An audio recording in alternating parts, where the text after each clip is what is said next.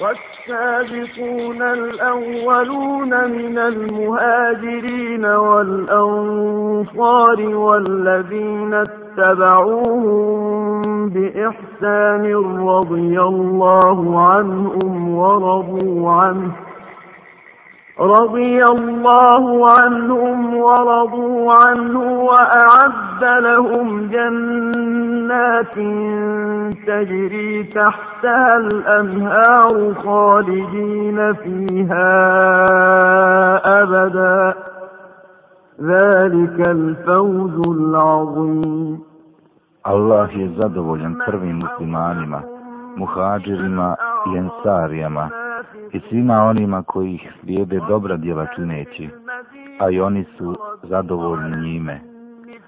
Za njih je on pripremio dženevske bašče kroz koje će rijeke teći i oni će vječno i zauvijek u njima boraviti.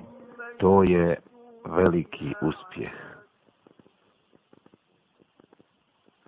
Malo primjera je bilo da su veze između dvojice ljudi bile tako čvrste i neraskidive kao što su bile između Muhammeda sallallahu alejhi ve sellem i Ebu Sufjana ibn Harisa.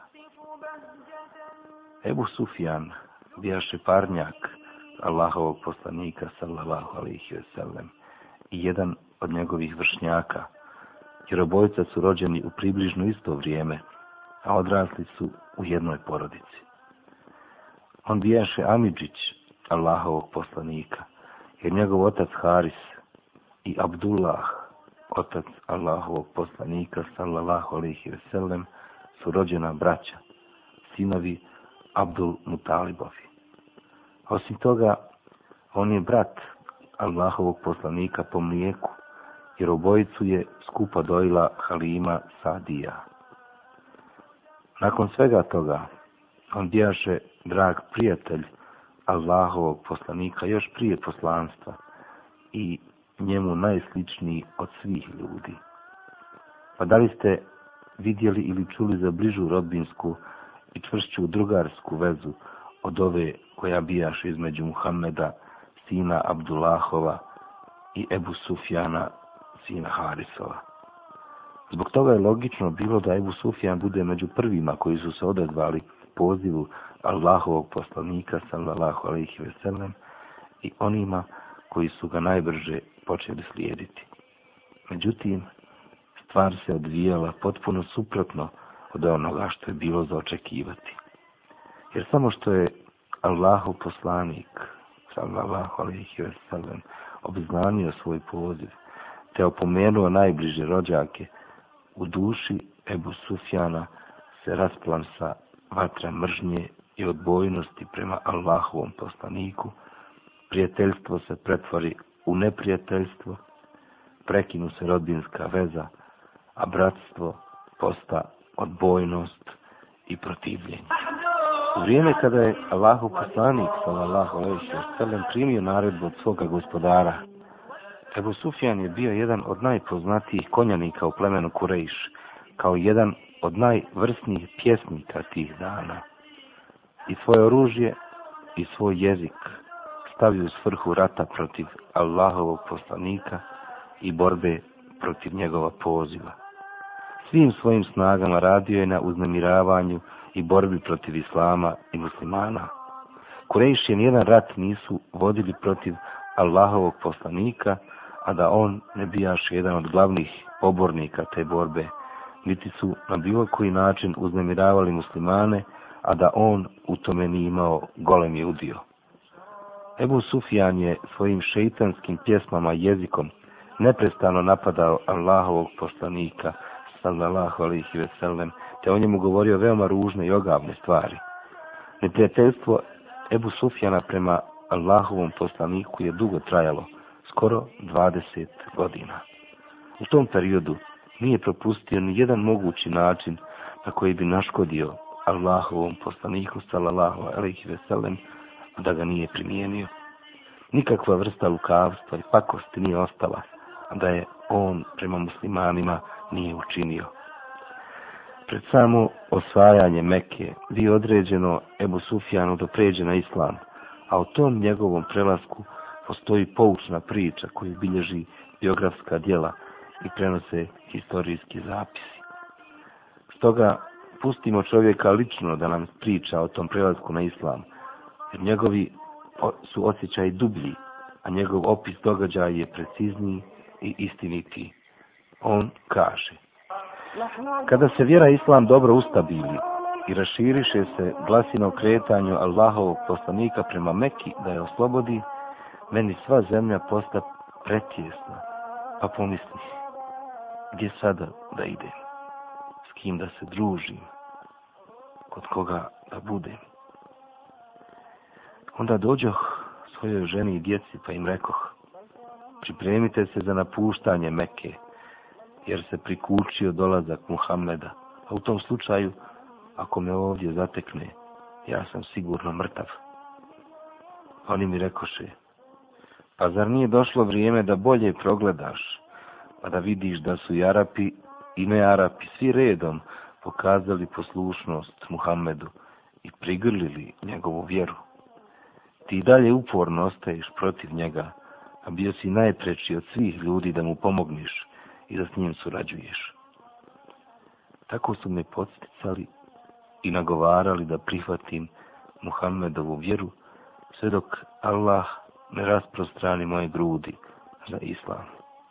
Istog časa ja ustadoh i rekoh svom sluzi mezkuru da nam pripremi konja i devu sa sobom uzeh svog sina Džafera i krenuli smo ubrzano prema mjestu Ebva, koje se nalazilo između Mekke i Medine i u kojem je, kako sam obaviješten, odsjeo Muhammed.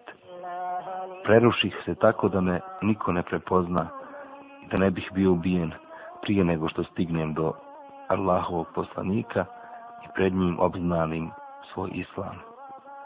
Išao sam zadnju milju pješke, dok su muslimanske izvidnice jedna za drugom prolazile idući u pravcu Mekke. Sklanjao sam im se s puta, bojeći se da ne prepozna neko od Muhammedovih drugova. Odjednom naiđe Allahov poslanik sa svojom pratnjom, te ja izađo pred njega i otkrih svoje lice. On samo što me pogleda i prepozna, odmah okrenu glavu od mene na drugu stranu. Ja pređoh na onu stranu gdje on gledao, a on ponovo okrenu lice od mene. Ja opet pogleda na stranu gdje on okrenuo svoje lice, a on opet okrenu glavu na drugu stranu. Tako postupi nekoliko puta. Kada sam dolazio Allahovom poslaniku sallallahu alejhi ve sellem nisam nimalo sumnjao da će se on radovati mom prelasku na islam a da će se isto tako radovati i njegovi ashabi ali kada muslimani vidješe kako se Allahov poslanik sallallahu alejhi ve sellem okreće od mene svi redom nesmrknuto pogledaše počeše zakretati glavu od mene srete me Ebu Bekr pa se zakrenu od mene, tako upadnu i smržnjom. Ja onda pogledah Omer ibnul Hataba milostivim pogledom, a on se okrenuo od mene još upadnije nego njegov drug. Povrh toga, on mi posla jednog ensariju da me napada, pa mi ta ensarija poče govoriti.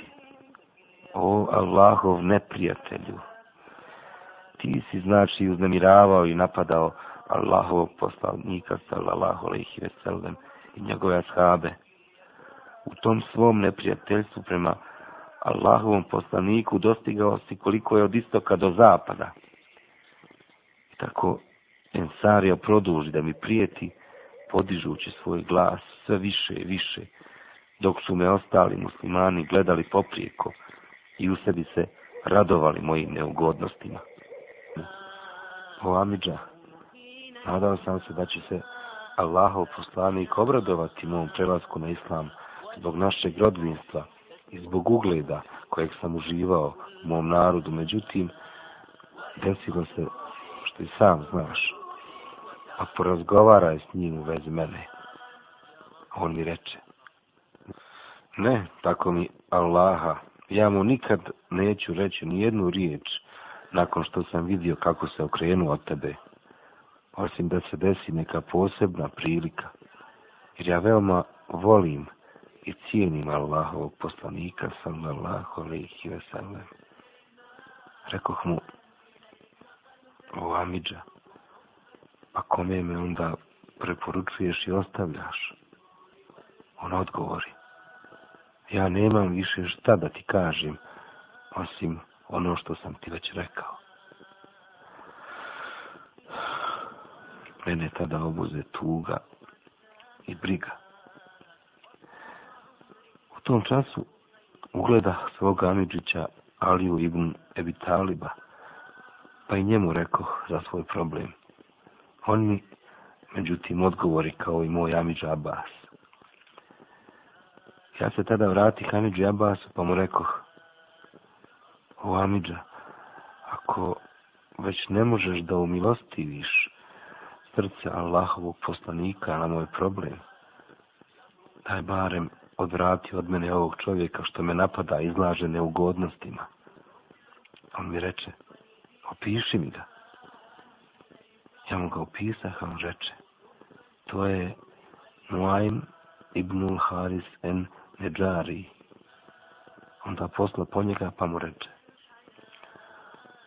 Onu ajme, Ebu Sufjan je Amidžić, Allahovog poslanika, sallallahu alejhi ve sellem, i moj bratić.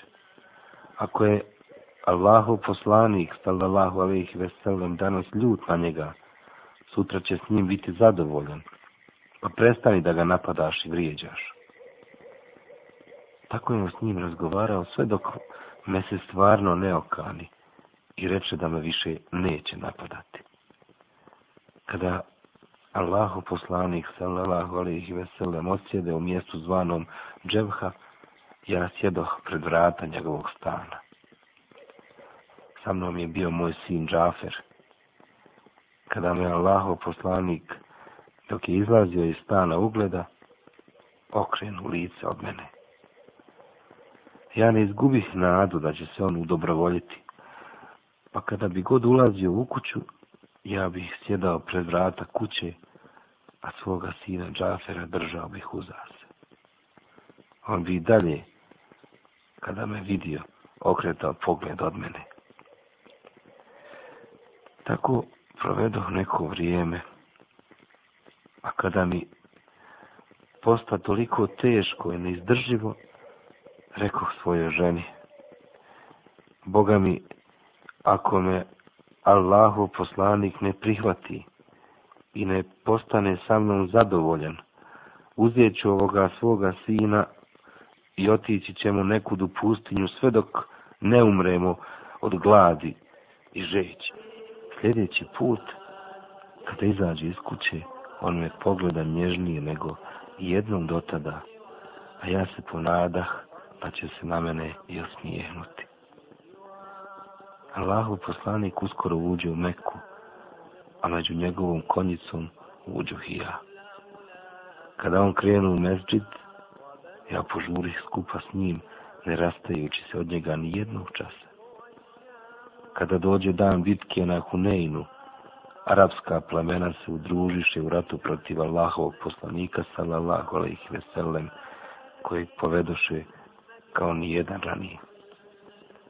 Za tu bitku pripremiše se bolje nego jednom do tada i odlučiše da zadaju presudni udarac islamu i muslimanima.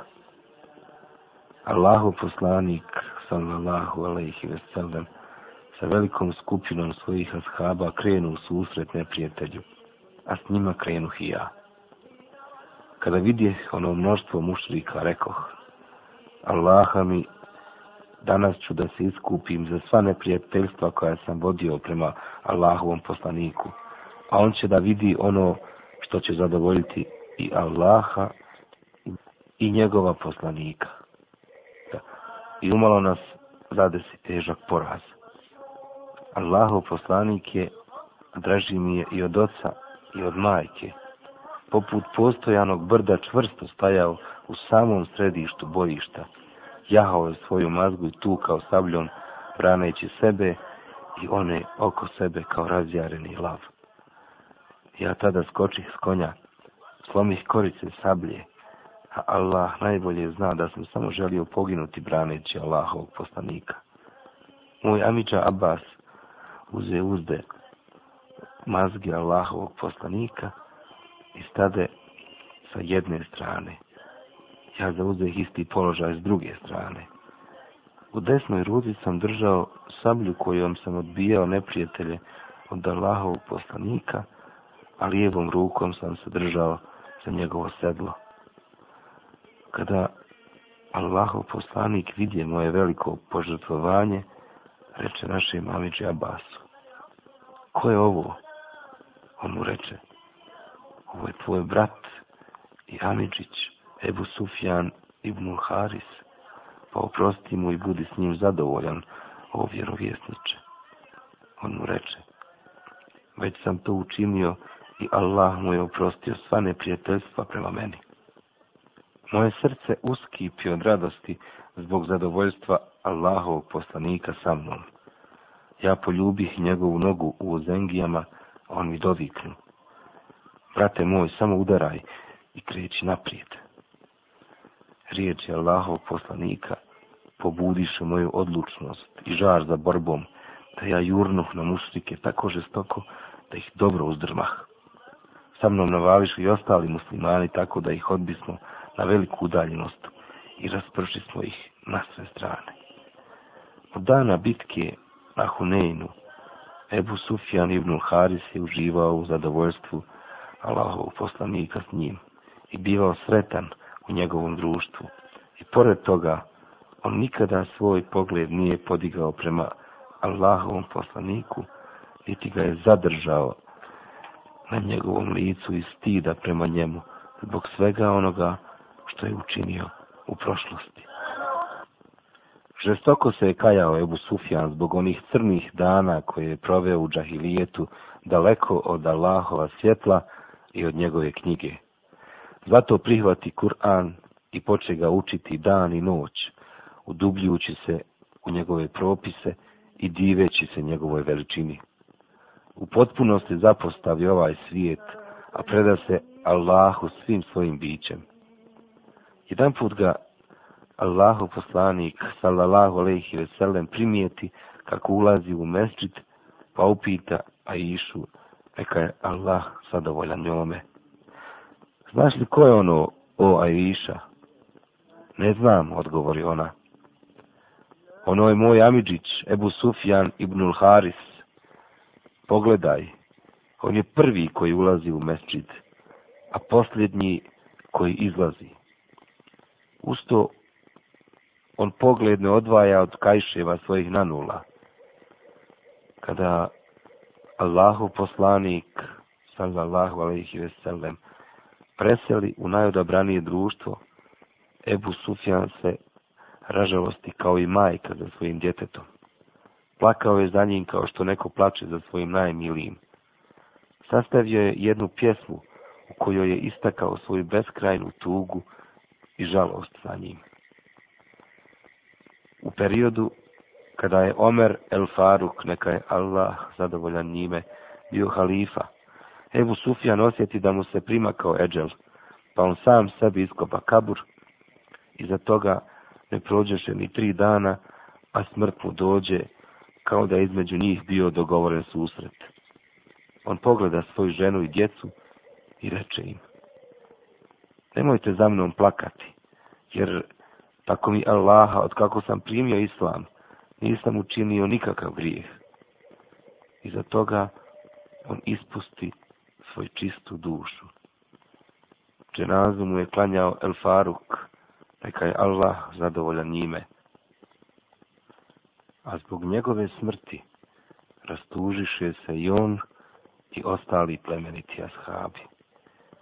Njegovu smrt su računali kao veliki gubitak koji je zadesio islam i njegove sljedbenike.